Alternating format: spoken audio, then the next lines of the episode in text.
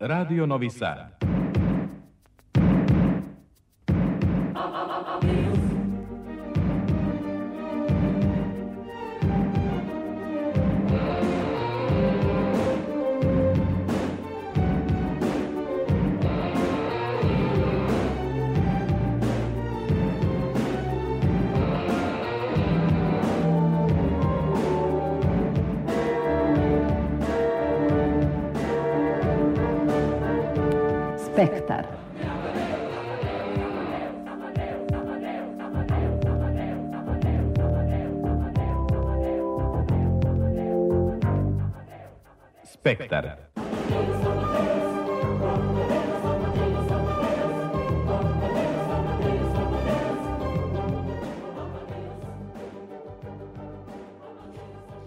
Dobro večer, dragi slušaoci. 10 e, sati je i 13 minuta. Slušate Spektar, magazin za kulturu Radio Novog Sada. U ovom januarskom izdanju Spektra govorit ćemo o romanu godine u izboru Ninovog žirija. Najavit ćemo dešavanja kojima će se kulturna scena pridružiti obeležavanju Dana grada Novog Sada. Naše teme večera su i Dan Ujvide Kesinhaza koji je obeležio 48. godišnjicu, potom izložbe mladih članova Udruženja likovnih umetnika Vojvodine, izložba umetničke kolonije na Andrevlju, otvorene večeras u Muzeju savremene umetnosti u Novom Sadu, a pratimo i nastojanja reprezentativnih umetničkih udruženja da regulišu nešto što se zove fair naknada u profesionalnoj likovnoj delatnosti. Ja sam Aleksandra Rajić. Spektra slušate narednih sat i po na frekvencijama 87,7, 99,3, 99,6 uživo na našem sajtu kao i na odloženom slušanju.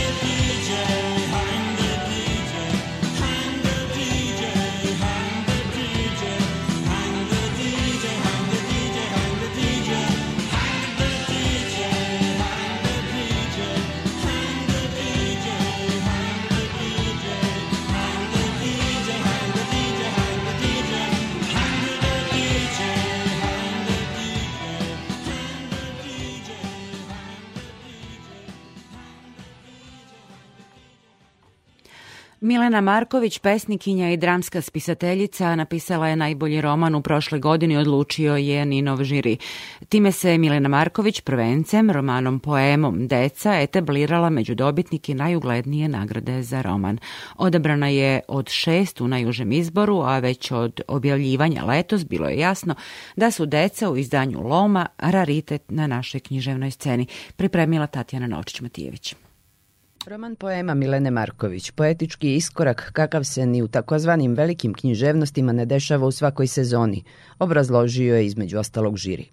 Kroz prizmu lične priče želela sam da progovorim o ekstazama, sudbinama, agoniji slobode i ceni koju svi plaćamo, rekla je zahvaljujući na Ninovoj nagradi Milena Marković. Ono trenutka kada sam ja videla da će e, da sve to što sam pisala nekoliko godina da postigne određenu veličinu u aristotelskom smislu, ja sam se odlučila da napravim e, poemu, odnosno roman stihu i ja mislim da bi ono što sam ja videla negde na pola, nekoliko godina je to trajalo, je da sam se bavila epohom i svetom koji je zauvek nestao, koji se ne tiče samo naše ovaj, zemlje u kojoj smo svi živeli, mi, nego i nekih drugih zemalja nekih drugih e, vrednosti.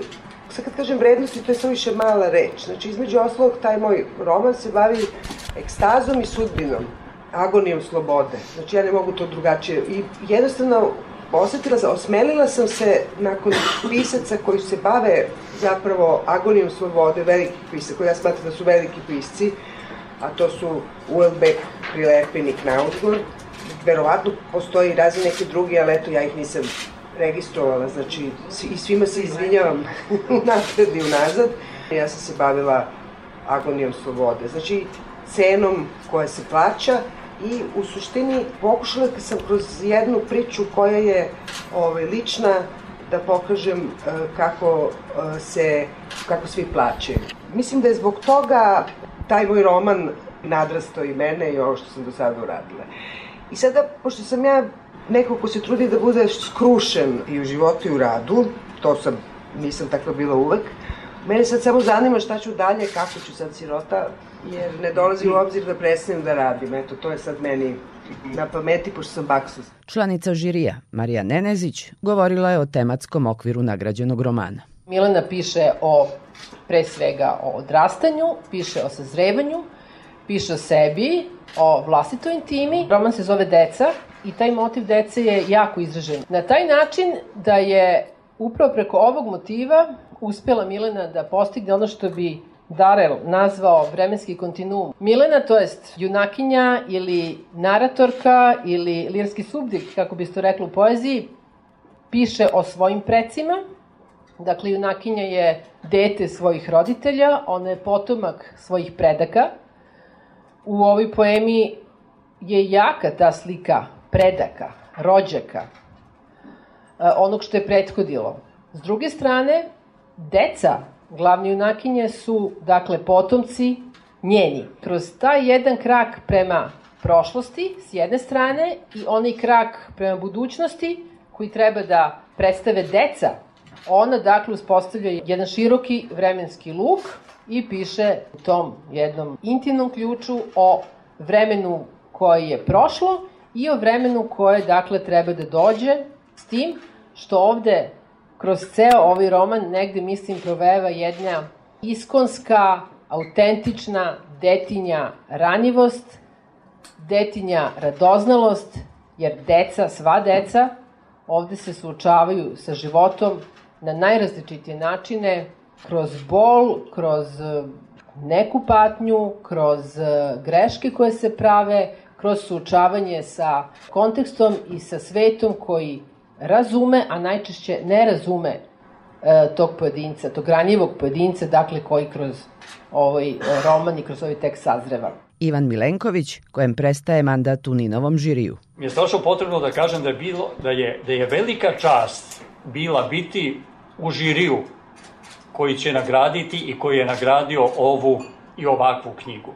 Ako je istina u književnosti ono najvažnije u jednom književnom delu, deca Milene Marković bez ikakve sumnje spadaju u jedno od najistinitijih dela srpske književnosti. Ovaj tekst koji kao da je ispisan noževima od prve do poslednje stranice je istinit jer u samome sebi nalazi upravo onu meru koji roman Milene Marković čini velikom knjigom koja će bez ikakve sumnje da traje. Predsednik žirija Teofil Pančić. Ta knjiga je ne samo unutar njenog opusa jedan e, poseban vanedan iskorak, nego je to pre svega jedan, e, jedan veliki iskorak za, za savremenu srpsku književnost i ovaj roman, poema, dakle kako god ga citirali, citirali ga kao roman, citirali ga kao poetsko delo, a može potpuno legitimno da ide u obe kategorije, jeste knjiga koja je od knjiga koje će se pamtiti i mislim da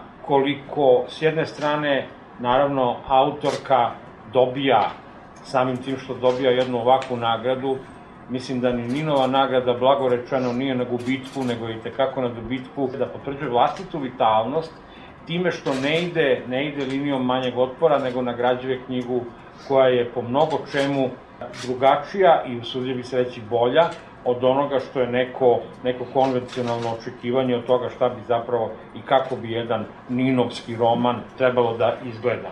Dakle, knjiga koja je po svakom mogućem relevantnom kriterijumu izvan standarda, izvan šablona, izvan e, nekog e, horizonta očekivanja, knjiga koja čitaoca, ja stvarno ne, ne znam, ne mogu da zamislim tog čitaoca koji bi pred njom mogao ostati ravnodušan i koji bi mogao da ne izađe da ne izađe promenjen. Smatram da je i čitanje ove knjige za svakog budućeg čitaoca će biti jedno značajno egzistencijalno iskustvo. Ljudi će pamtiti kada, gde i kako su pročitali tu knjigu i u kojoj meri se ona inkorporirala u neki njihov emotivni svet. Mileni Marković, Ninova nagrada, biće uručena na svečanosti čiji će datum odrediti epidemijska situacija.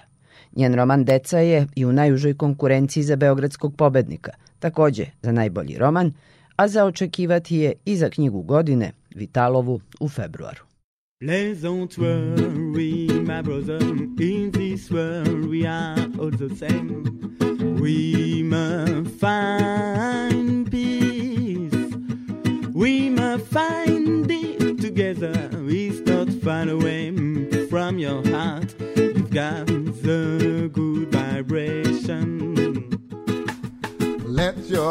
heart followed.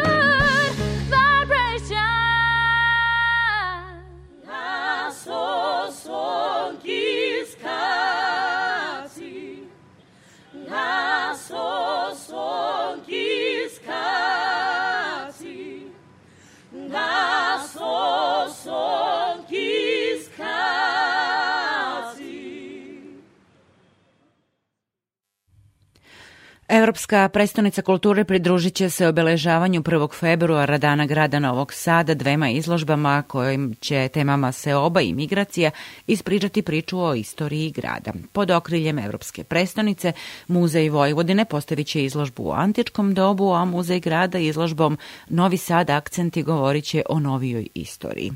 Muzej Vojvodine posetiocima će predstaviti svoje najvrednije eksponate, pozlačene šlemove, ali u novom muzeološkom dizajnu, kaže kustoskinja Slađana Velendečić.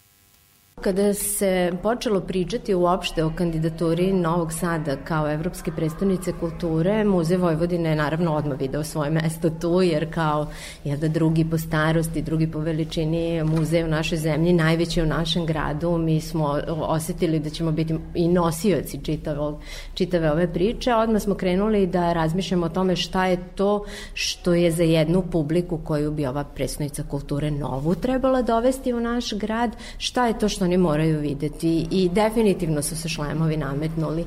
I možda neko može i zameriti zato što se toliko stavljaju oni u prvi plan, ali prosto kada očekujete ljude koji će doći možda iz cele Evrope, to, te godine, te no, prilike, onda, onda, onda su šlemovi nešto što je must see. E sada, e, pošto muzej jeste njegova čar u tome što vi možete koristiti jednu temu i interpretirati na milion različitih načina. Tako da ovde smo mi pokušali, autorka zapravo, magistar Tijana Stanković-Pešterac je pokušala da jedan potpuno novi pristup, jedan umetnički pristup muzejskom predmetu, e, koji je opet naučno zasnovan i na arheologiji, i na istoriji, i na muzeologiji, i na pedagogiji, znači sve je naučno zasnovano, ali da kroz, u, kroz različite umetnosti one budu prezentovani. Tako da, osim što će publika imati priliku da vidi ta neprocenjiva tri kasno antička rimska šlema iz četvrtog veka, oni će imati priliku da na izložbi vide i monodramu, monodramu koju je režirao Radoslav Milenković, glavnu ulogu igra Jugoslav Krajinov i to je monodrama koja se zove Krv i blato i zapravo jedna fikcija Zorana O, je, Zorana Subod, na osnovu njegove priče modifikovane, to je jedna fikcija o tome ko je zapravo bio Dizon. Jer jedan od tri šlema koja mi čuvamo na sebi nosi natpis Dizone nosi ga u zdravlje. Kada malo proučite ime ovog Dizona, vojskovođe, vama vrlo brzo postane jasno da nije u pitanju Rimljanin, nego najverovatnije Tračanin, koji je bio nagrađen ovim šlemom od strane samoga cara. Opet priča koja se uklapa u kontekst Seoba u kojem luku se zapravo ova izložba da. i, i, i dešava. Tako da mi smo pokušali da kroz ovu monodramu oživimo lik tog Dizona i da pokušamo da ispričamo kako je mogla teći njegova životna priča da se od jednog nerimskog građanina uzdigne do vojskovođe koji će poneti na, na svojoj glavi i taj, taj jedan poseban simbol i njegovog znanja i umenja i odanosti, odnosno rimski, rimski šlem, zlatan rimski šlem. Druga stvar koja prati izložbu je filmski esej Tragovi se oba, koji opet predstavlja jednu umetničku filmsku priču koja nam predstavlja potragu za mestom gde su ovi šlemovi od, otkriveni. I kroz potragu za lokalitetom gde su šlemovi otkriveni neprekidno autor nailazi na tragove seoba, jer mi se danas nalazimo u prostoru u kojem živi 30 različitih etničkih grupa, a to nije karakteristika ovog momenta, to je karakteristika ovog prostora od praistorije, a sigurno će biti i u budućnosti. Na kraju krajeva svedoci smo trenutno jedne velike seobe, odnosno migracije. Umetnički aspekt ove izložbe je prikazan i kroz muzičku umetnost, jer imamo komponovanu muziku Specijalno za izložbu komponovala ju je Sofija Sibinović, harfistkinja, koja nije imala pred sobom lag zadatak, jer želeli smo da napravimo rekonstrukciju muzike iz rimskog perioda, s obzirom da su oni koristili malo drugačiji način komponovanja, a ne notni sistem kakav mi danas poznajemo. Znači, veliko, veliko naučno istraživanje je trebalo napraviti da bi se moglo doći do ideje kakva je mogla biti muzika u rimskom periodu. Tako da će izložbu pratiti muzika i sve vreme dok izložba bude postavljena, posetioci će moći da uživaju u, u muzici, kažem, čija je autorka Sofija Sibinović, hartviskinja. Naravno i ovog puta ovaj muzej iskoračio u te nove tehnologije. Imate zapravo jednu elektronsku aplikaciju koja je vezana za ovu izložbu.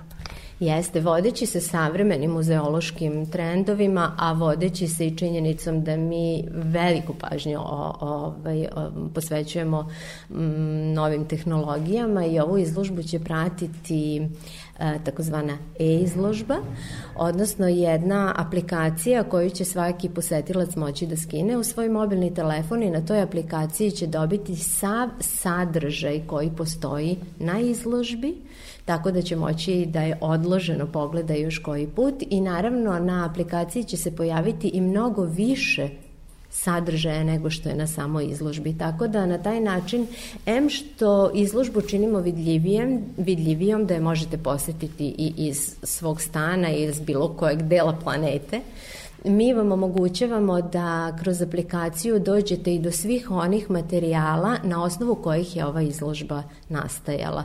I do stručne literature, i do filmova i priloga koji su ranije snimani o šlemovima, a kažem u, u aplikaciji će biti i filmski esej, i snimljena monodrama i naravno sve ono što još dodatno možete saznati o šlemovima.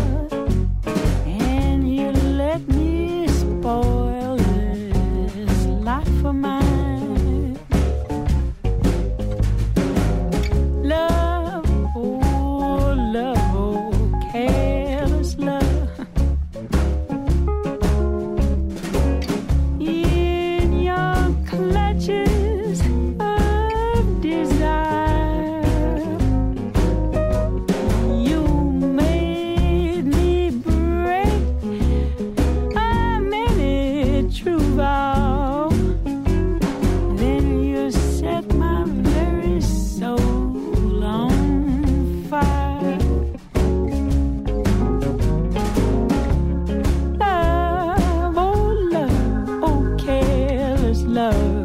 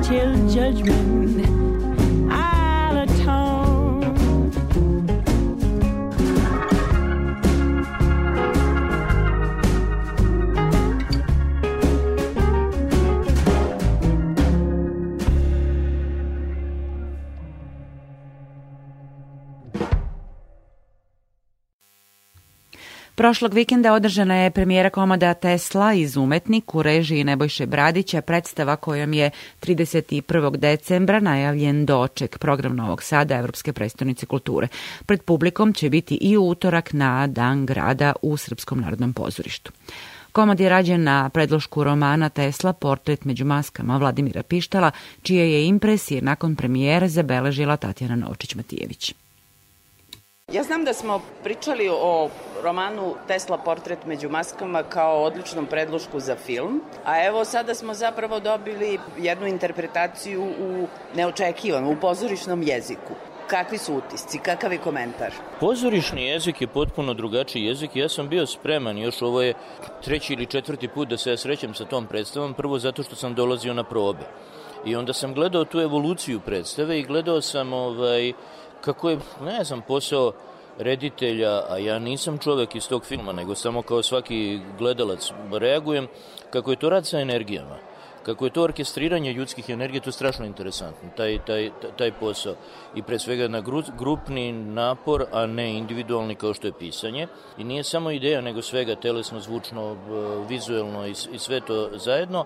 I ja sam posmatrao kako se predstava menja i naravno gledao sam je na samu novu godinu. Jedna velika stvar kada kada grad zaustavi dve, tri ulice i most zbog, zbog nečijeg umetničkog dela. Ne samo mog, nego ljudi koji su to radili, ali po predlošku nekom e, i mom. Tako da je to bilo uzbudljivo i neobično. Ali sada ova predstava večeras me u stvari najviše pokrenula jer je bila kamernija, imala elemente spektakla, ali je bila nekako obuhvatnija i sve to, ti odlični kostimi, ta jako lepa scena, ti nadahnuti glumci koji su, pazite, po onoj hladnoći, koja je moglo i gore, ali ipak hladnoći 31. januara imali ovaj, entuzijazma da glume i sad ih gledati ponovo i kako se oni, to je stvarno od početka Nebojša voli da radi te stvari kao jedna vrsta igre. I onda je u stvari kreće kao nazdravljanje i u stvari kao da je jedno sve vreme nazdravljanje tužno, ali veliko ideji Nikole Tesla i onoga što je, što je radio. I to premeštanje ljudi, hor je stalno prisutan. U stvari ti, ti e, ljudi na sceni imaju ulogu hora neprestano i sve što kaže Tesla, oni od, to odjekuje i ljudi ponavljaju i onda to više glasi i više glasi, mislim da bi bio termin i da je to razlika između individualnog rada i onoga što, što gledamo na sceni je ono što sam uh, video. Zaista sam se zahvalio od srca svim ljudima koje sam sreo. Odlična muzika Vrebalovke. To sam znao, to sam znao i ranije. I dve glavne teme koje su izdvojene, jer to je druga stvar. Jednostavno, uh, predstava je drugačija stvar od knjige i to prosto se morate pomiriti sa tim. Inače Dobro, vidjeti... i, i to je reditelj Bradić i najavljivao ne, ne, ne, da... da inače, to se tako reći podrazumeva. Ja sam, ja sam, kad sam bio mlad pisac, e, Milorad Pavić je tad bio profesor, on je govorio, kaže, Vladimire, kad napišete knjigu, ona je nečija druga. Ona počinje svoj drugi život i to jednostavno, to uzimam kao postulat, to uzimam kao aksijom. Ali dve glavne teme su ideja ovaj, Johna Pierpont Morgana.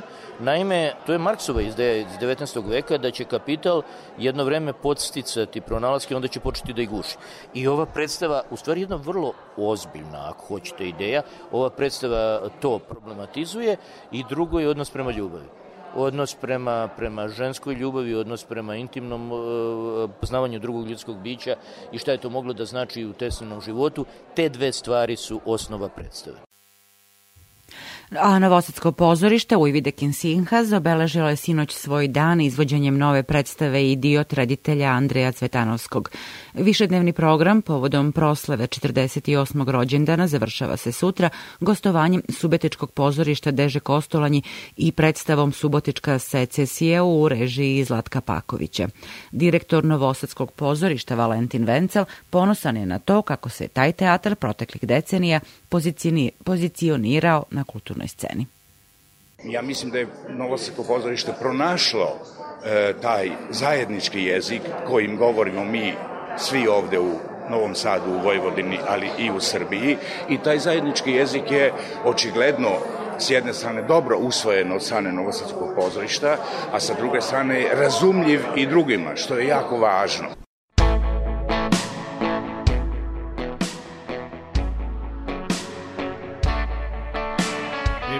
take you.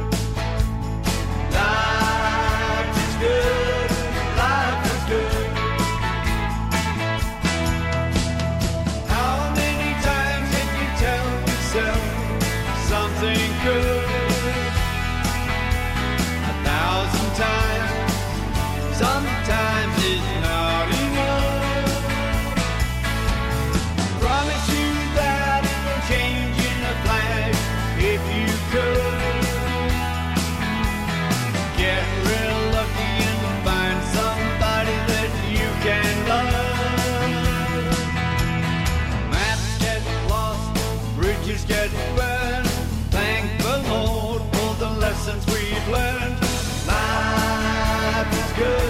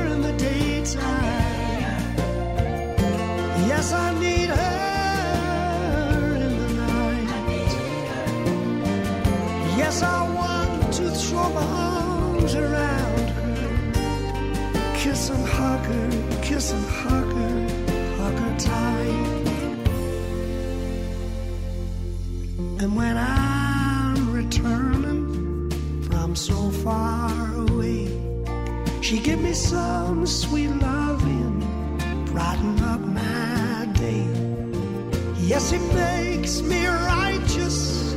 Yes, it makes me feel whole. Yes, it makes me mellow down to my soul. She gives me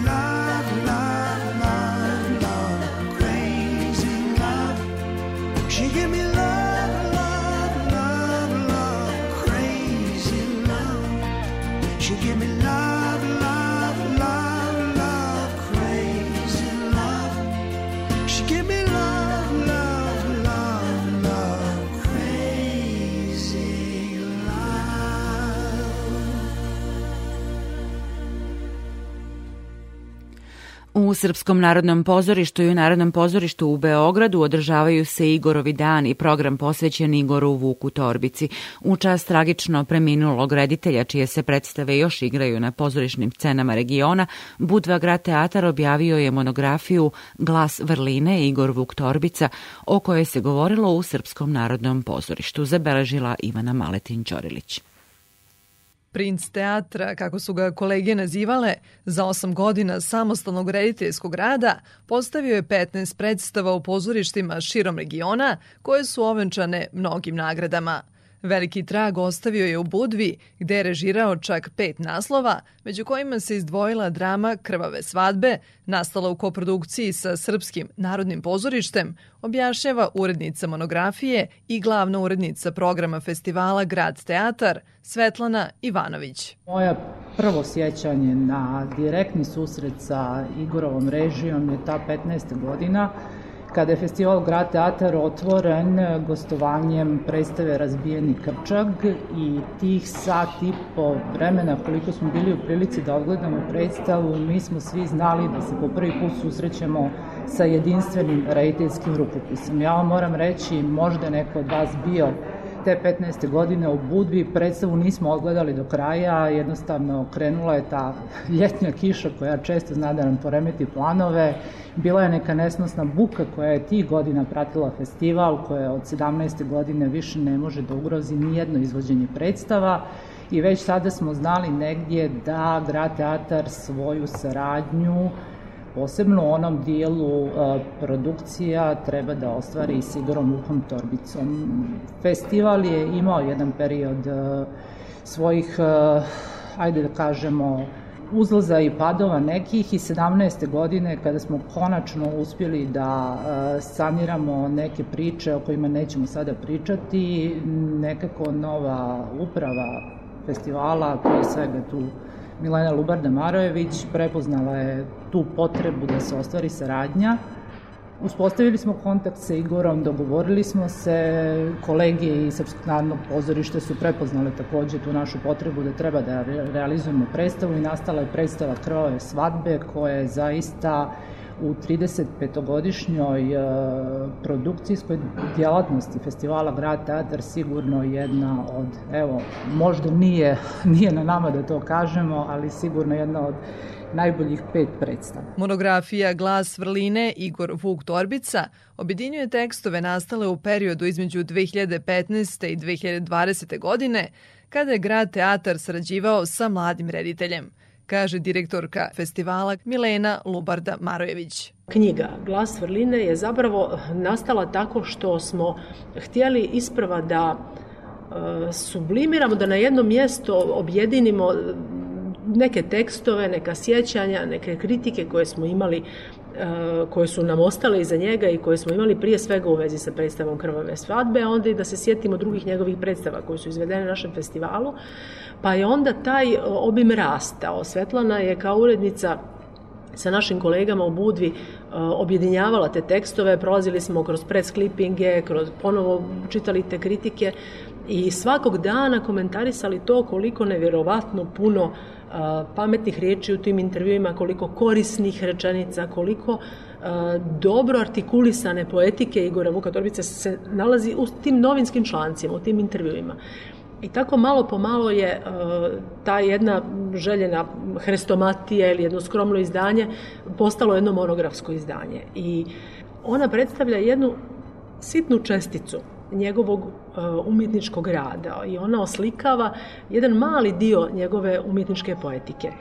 Bilo bi jako važno, dok još njegove predstave igraju na scenama, dok su još uvijek toliko žive i dok još uvijek, kao što vidite, ovih dana okupljaju toliko publike koja se raduje, koja živi zajedno sa njima, bilo bi važno da ova knjižica, da ova nevelika monografija, to izdanje, bude zamajac za jednu ozbiljniju veću knjigu koja bi jednim temeljnim radom, radom ljudi koji se bave različitim oblastima mogla da objedini sve ono što ima da se kaže, napiše i objavi o njegovom radu. Revija predstava Igorovi dani u Srpskom narodnom pozorištu završava se 28. februara gostovanjem predstave Bakhe Bitoljskog narodnog teatra.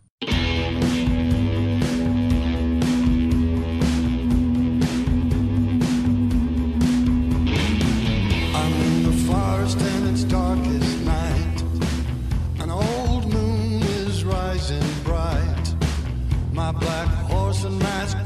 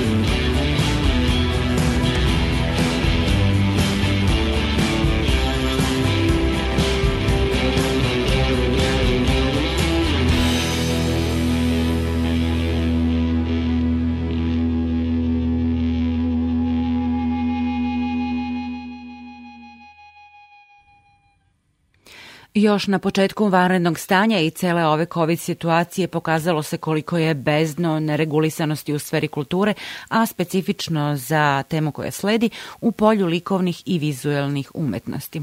Udruženje likovnih umetnika Srbije pokrenulo je tih meseci veliko istraživanje o socioekonomskom položaju umetnosti, osnovan je i Fond solidarnosti, ali sve je to bilo nedovoljno.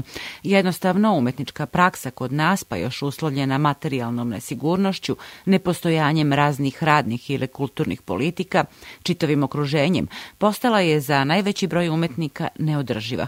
Stoga je ULUS u saradnji sa Vojvođanskim esnavskim udruženjem pokrenulo pitanje radnog statusa umetnika, fer prakse umetnosti i naknada za njihov rad. Okvir svega je razumevanje umetnosti kao složene discipline, ključne za jedno društvo, kaže Vahide Ramojkić, podpredsjednica Upravnog odbora ULUS-a. Samo da podsjetim da je Udruženje likovnih umetnika jedno od najstarijih udruženja na, u Republici Srbiji, mislim i na prostorima čitavog regiona i Jugoslavije.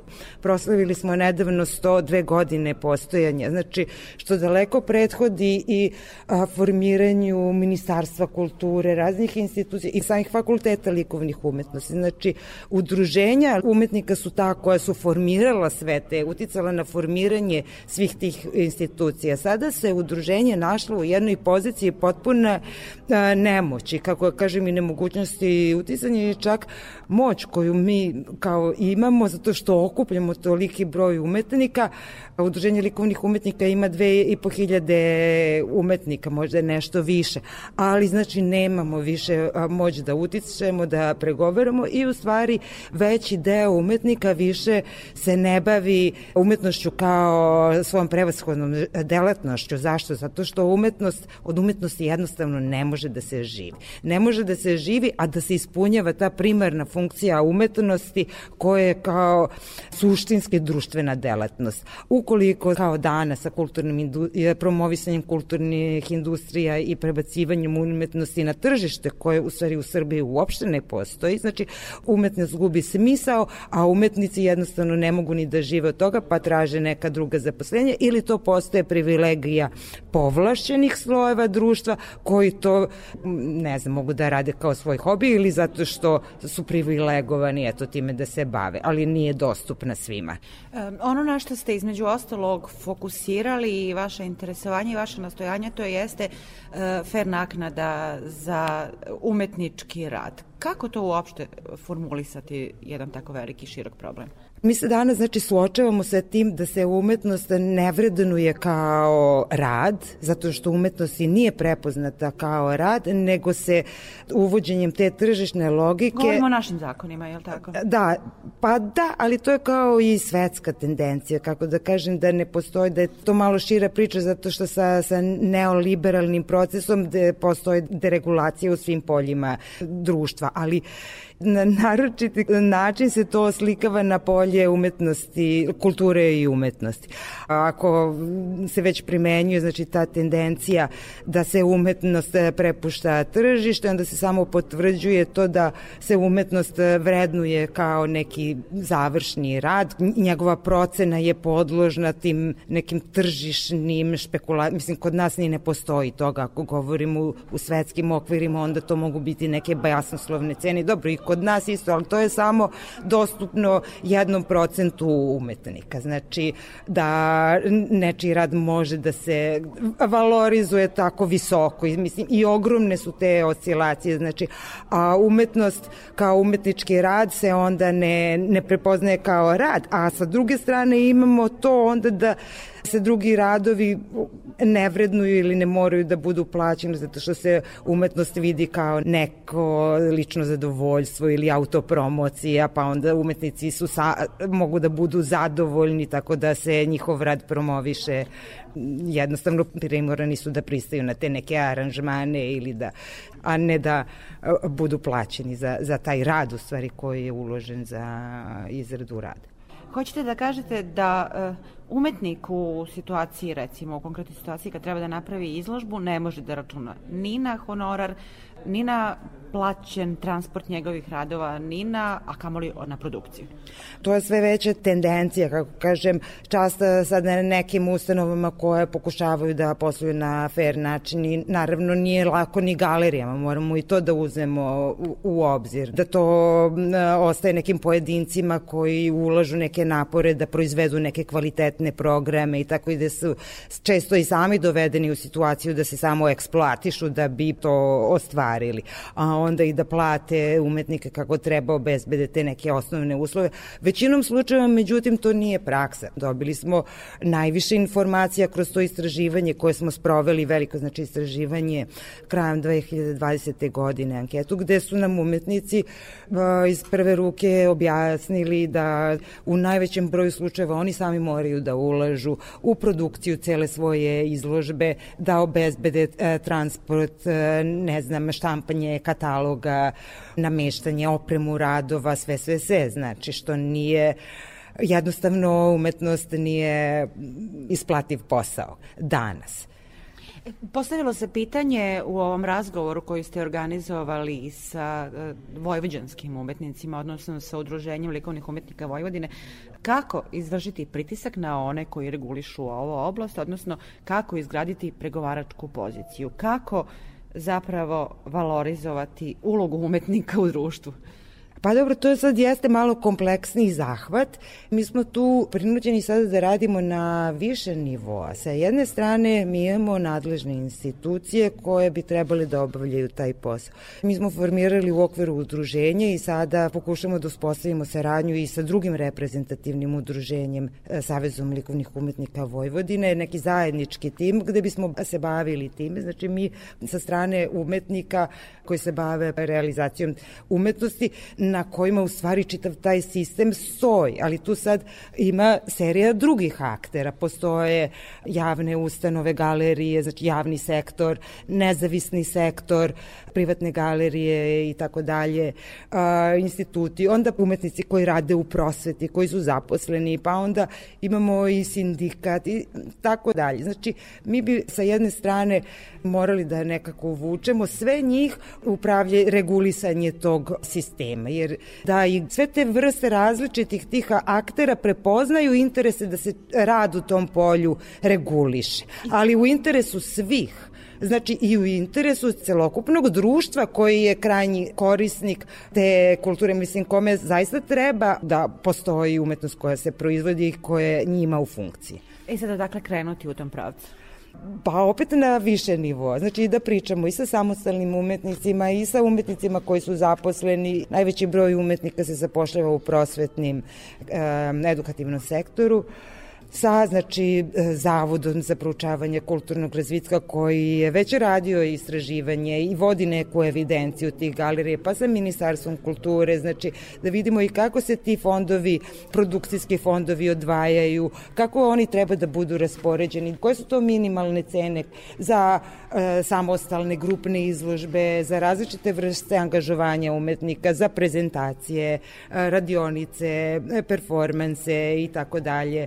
Da li je realistično uopšte organizovati 20 izložbi kako treba da. i tako, pa I- i privatni e, sektor, bila je danas e, Vesna Latinović da, iz galerije Bela Art, oni su i pokušavali da znači, formiraju taj savez privatnih galerija i tako da tu uspostaje. Mislim, treba i da uključe tu i kolekcionare i sad Ako sam dobro shvatila, trebalo bi analizirati neke modele koje postoje u svetu, Da. koji su vam ovako najbliži, koji su najrealniji za naše okolnosti. Da, pa to je sad dosta zanimljivo, zato što su nama bliski iz ovih zemalja koje su nama najbliže u Evropi, kao što su Austrija, Belgija, Holandija, ne znam, oni imaju dosta... U- podršku umetnosti, Da, oni imaju dosta uređeni institucionalni sistem i podršku i u stvari oni su nama mnogo dalje nego neki liberalni model koji je američki, koji u stvari nemaju kulturne institucije uopšte, mislim taj institucionalni sektor uopšte, ali imaju neke druge poluge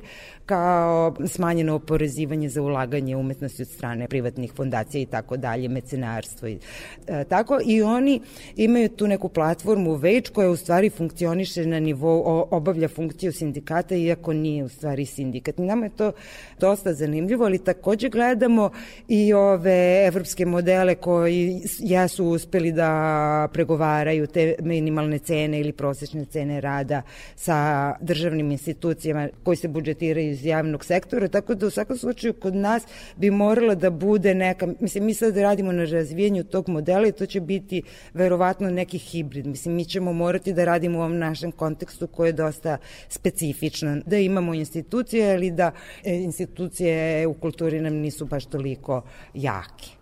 I onda na ovakav jedan razgovor dođe, evo, svega nekoliko umetnika na prste jedne ruke. Kako to Pa objašnjavate? dobro, nema veze. Mislim, nije uopšte to strašno. Ljudi su zauzeti, jednostavno imaju svojih e, problema i, i velika je dezorijentacija, znači ni umetnici ni e, sami kao ne znaju sebe baš da pronađu u tom e, celokupnom sistemu, niti kako da se zalažu za svoja bolja radna prava. Govoriti o radnim pravima umetnika je dosta strano, u stvari. Mislim, odavno, možda se nikad o tome nije ni, ni pričalo, više se priča o autorskim pravima ili tako dalje, ali... Vreme da se pokrene ova Pa tema. da, mislim, verujemo da radimo nešto što je, što tek, mislim, ima neku perspektivu i što, e, o čemu samo treba više pričati i da ovaj, malo više osvestiti širu javnost za, za ove teme.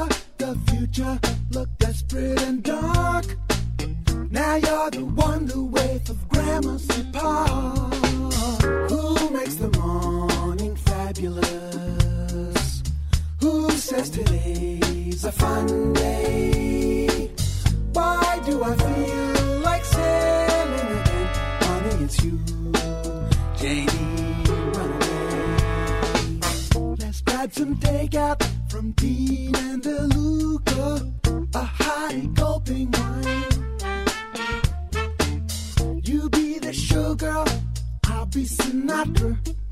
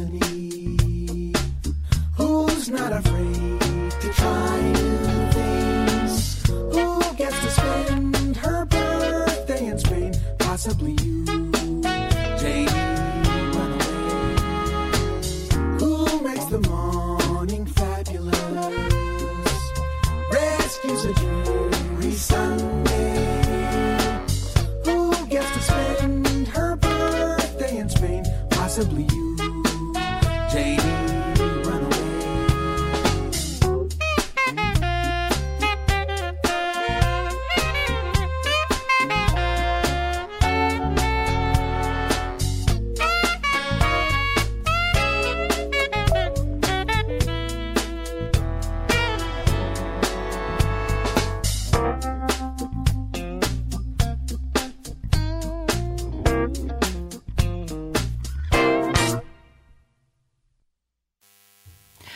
galeriji Prometej u Novom Sadu do 4. februara izložene su slike Ferenca Hodija i to iz privatnih kolekcija. Između ostalog time se obeležava desetogodišnjica smrti tog čudesnog majstora fantastičnih svetova velikih formata. Procene su da po svetu ima razasutih više stotina Hodijevih slika. I likovni kritičari iznova će skrenuti pažnju na Hodija, svevremenskog i vanvremenskog umetnika, kaže slikar Danilo Vuksanović. Inicijativa Tibora Bodola je bila meni zanimljiva da se okupe ponovo njegovi radovi, da se ponovo organizuje izložba, a nakon toga smo došli na ideju da pozovemo one likovne kritičare koji su o njemu pisali i da te tekstove okupimo u jedan zbornik. E, Mi ćemo pokušati da sažmemo nešto od toga što je vezano za umetnost Ferenca Hodija, koja nije toliko svojstvena savremenom trenutku, koliko je negde možemo slobodno reći i bez vremena u tom nekom fantastičnom obliku i nekako smo odlučili da malo više skrenemo pažnju na pojedine segmente ovog zanimljivog umetnika i da možda u budućnosti uradimo i nešto još više. Rekla bi se po ovim velikim formatima, čudesni su to svetovi, e, fantazmagorični, a negde ne toliko udaljeni od nas, dobro komuniciraju sa nama. Ne, oni su samo u neku ruku realno ogoljeni onoliko koliko i neka priča, bajka, mit može biti u odnosu na ono što mi percepiramo kao stvarnost. Zbog toga je Ferenc Hodi zanimljiv, zbog toga što tu nema puno maski i u njegovom svetu, u njegovoj imaginaciji zapravo muško i žensko nisu striktno odvojeni, oni su zapravo jedan te isti pol, oni su androgen, oni pripadaju jednoj zajednici koja je u službi kreacije i mislim da to umetnik kao stvaralac najbolje razume. Zbog toga je on meni i bio interesantan, jer se zapravo negde i prisjećam 90. godina kada sam prvi put video njegove slike u izložbi u Studio M i tada je to na mene ostavilo jedan veliki uticaj u smislu da sam mnoge stvari koji su mi bile tada bliske preko muzike, literature i drugih nekih oblika kulture povezao sa onim što je Ferenc Hodi tada radio, a naročito mi je bilo zanimljivo kao slikaru u zanatskom smislu na koji način je on to izvodio. To je stvarno fascinantno i svi ti radovi koje možemo da prikupljamo sada u skorijoj budućnosti, a u galeriji Prometej to je osam njih velikog formata, mogu da najbolje govore zapravo i svedoče o tome koliko je to bio veliki majstor a devetoro umetnika, učesnika likovne kolonije koju je na Andrevlju letos organizovao Muzej Vojvodine, predstavili su svoje radove na večeras otvorenoj izložbi. U različitim medijima od stripa, filma, ilustracije, fotografije do unikatnog veza i grafike govorili su o temi Heroj nekad i sad. Njihova kustoskinja Dragana Garić-Jovičić kaže da je, sazivajući koloniju, bila inspirisana zbirkom koju vodi likovnim radovima iz Muzeja revolucije, a okvir umetničkim kreacijama dao je i ambijent sa spomen obeležima iz Narodno-oslobodilačke borbe. U pitanju je izložba povodom kolonije koja je prošle godine, prošlog leta održana na Andrevlju i ona nosi naziv, znači tematska je Heroji nekad i sad.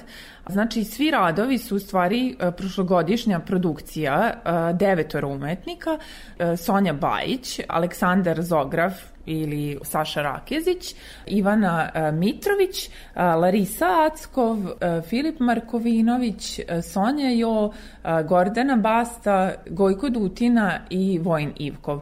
Devetoro umetnika koji stvaraju u različitim medijima, otuda je ta neka šarolikost izložbe, a ono što je negde njih povezuje, što, zašto sam baš njih pozvala, to je u stvari neka svest o kojoj sam ja videla u njihovim radovima, da, da su ipak, da smo mi društvena bića i da u interakciji stvaramo neke dobre stvari, znači da nije to neki, ovo što Andri Matis rekao, umetnost treba da bude udobna kao fotelja, ovi radovi nisu ovaj, udobni, mogu, možda će nekog i da nažuljaju ko oni kamenčiću cipeli, ovaj, jer oni pokreću i neka pitanja. Šta to znači zapravo heroji nekad i sad? To je tematski okvir. To je u stvari moja dugogodišnja e, zapitanost na koji način prezentovati i zbirku koju vodim. Zbirka je vezana za e, likovni fond Muzeja revolucije, nekadašnje koji je eto skrajnuto 90-ih, čak mnogi radovi su i uništeni, prosto je dosta problematično i tužno i ja sam žela da se u stvari da njima šansa da se ponovo vide, pa makar ih videli umetnici ovaj, tako i možda eto prosto njima bilo inspirativno, tako da jeste jedan rad, baš rekonstrukcija uništenog e, rada, a u stvari je bio i okrugli sto, ovaj na Andrevlju smo imali okrugli sto gde sam ja prezentovala njima neki moj odabir ovaj radova koji se čuvaju u našem muzeju.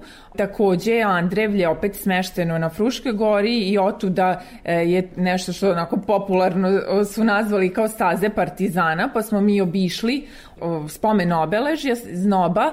Tu nam je i kolega Vojislav Martinov ispričao nešto o samim baš spomenicima i to je isto negde inspirisalo umetnike, tako da su neki radovi na tu temu, ali ja nisam nikako prosto njima stavljala okvire, tako da ima umetnika i koji su mnogo šire analizirali nekako pojam heroja. Tako da eto, to u suštini od, od neke moje, od nekih ideja i onog refrena uh, Stranglersa No More Heroes do toga da ipak da su se nešto se desilo i ti radovi su nekako mislim da govore o tome da postoje neki heroji da su u stvari nama oni potrebni da nije sve baš samo potrošačko društvo gde sve ima cenu, nego da mislim da većini nas postoji želja da za nekim herojskim činom, iako se on ne vidi, mislim da možda ovaj, kad malo bolje pogledamo da, da on negde u duboko u nama i u okruženju ovaj, možemo da pronađemo heroje. Tako da jeste u stvari ova izložba posvećena idealistima, eto i nekim ono, id, id, idealima slobodarskim.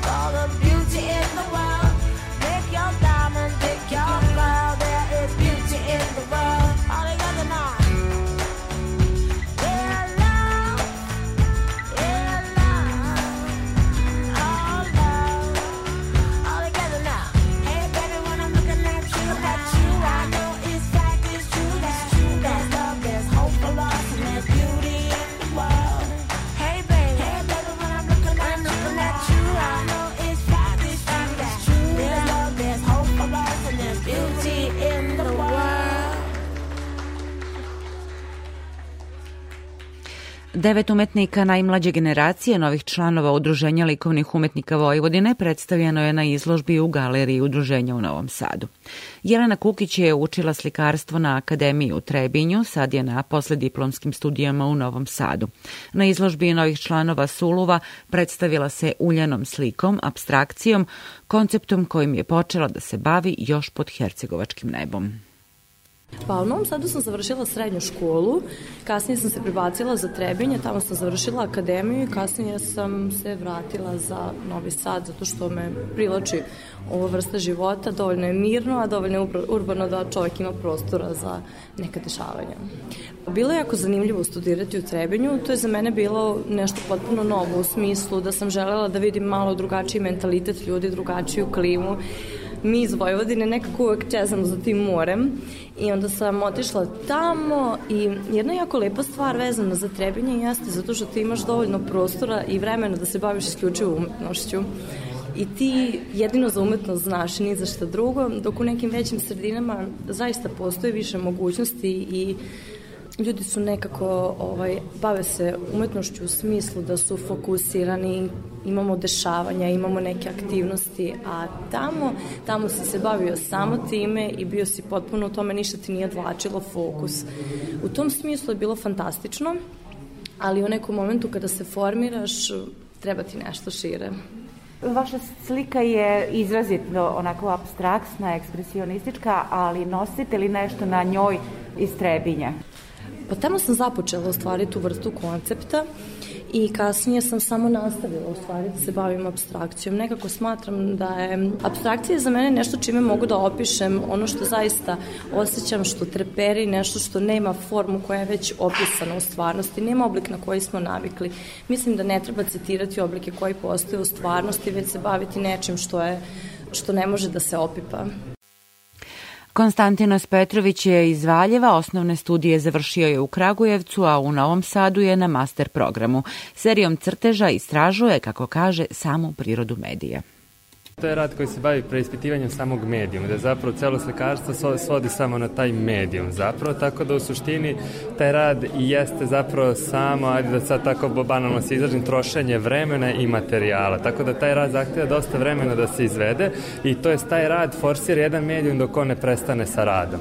I na konto toga se onda preispituje taj deo o konzumerizmu, o kon- konstantnoj potrošnji, tako da zapravo sve to bi trebalo da se prezentuje kroz, kroz taj rad u stvari sa crvenom bojom bojom i sad koristi se crvena zato što je to opet boja koja se najčešće može naći da se kupi pojedinačno, imaju svim setovima boja i onda kao eto, i najintenzivnija jeste da u spektru boja. Tako da najukratko rečeno to je to o tom radu, a što se tiče samog vremena, svi ti radovi su baš zbog toga što preispituju vreme koje je potrebno medijumu da i prestava sa radom su datirani, tako da ima tačno vreme. Mislim da je za izveđenje tog rada bilo potrebno recimo dva dana po 8 časova recimo, eto, to je neki kao okvirni period. Da, reč je o osam crteža, ako mogu da, da ih nazovem, na papiru na kom su ujedno i specifikacije uh, U suštini, da, to je osam papira, ali to je jedan crtež, zato što je to jedan flomaster. Kakav je papir u pitanju? To je štamparski papir malo jači, do, oko toga se nisam previše opterećio, papir koji lepo prima, prima pigment i boju koja se koristi na njemu, tako da u suštini to je jedan crtež, samo podeljen osam, jer to su sve ispitni papiri koji mere koliko koliko, koliko dugačka linija može se izvuče s jednim flomasterom zapravo. Eto, to, to je to. Evo ovde ste u udruženju uh, likovnih umetnika Vojvodine, čiji ste sada član, u udruženju koje intenzivno ovih dana razgovara o fair naknadi za uloženi rad za likovne umetnike. Kako biste vi vrednovali ovaj svoj rad s obzirom na to da je reč o velikoj količini potrošenog vremena? Pa dobro, da, to je sad uvek pitanje kako vrednovati svoj rad. Svakako se ne vrednuje samo po tome koliko je vremena trebalo za to, ali iza toga stoje mnogo više vremena o promišljanju o samom radu i ostalo, tako da je to uvek nezgodno pitanje kako zapravo vredno. Naravno, treba vrednovati to dobro, ali... Htela sam zapravo da vas pitam šta očekujete od ovog udruženja čiji ste sada član? Imali očekivanja? Uf, pa za sad iskreno i dalje nisam siguran šta mogu da očekujem, ali se meni jako sviđa taj deo kolektivi u udruženjima da smo svi zajedno i da kao nekako uvek se očekuje da kad imate udruženje svako zna koje su njegove zaduženja i onda to može nekako da funkcioniš. Pošto biti sam u ovom svetu je jako nezgodno sad zapravo.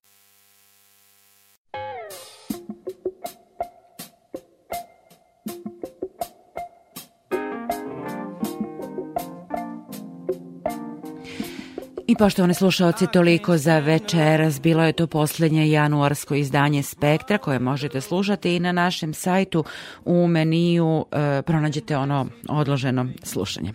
Ovu emisiju realizovali su Zoran Gajinov, Slavica Filipović, ja sam Aleksandra Rajić. Ostavit ću vas sada uz noćni program Radio Novog Sada i emisiju Bulevar Sumraka posle ponoći, a mi se čujemo ponovo sledećeg petka.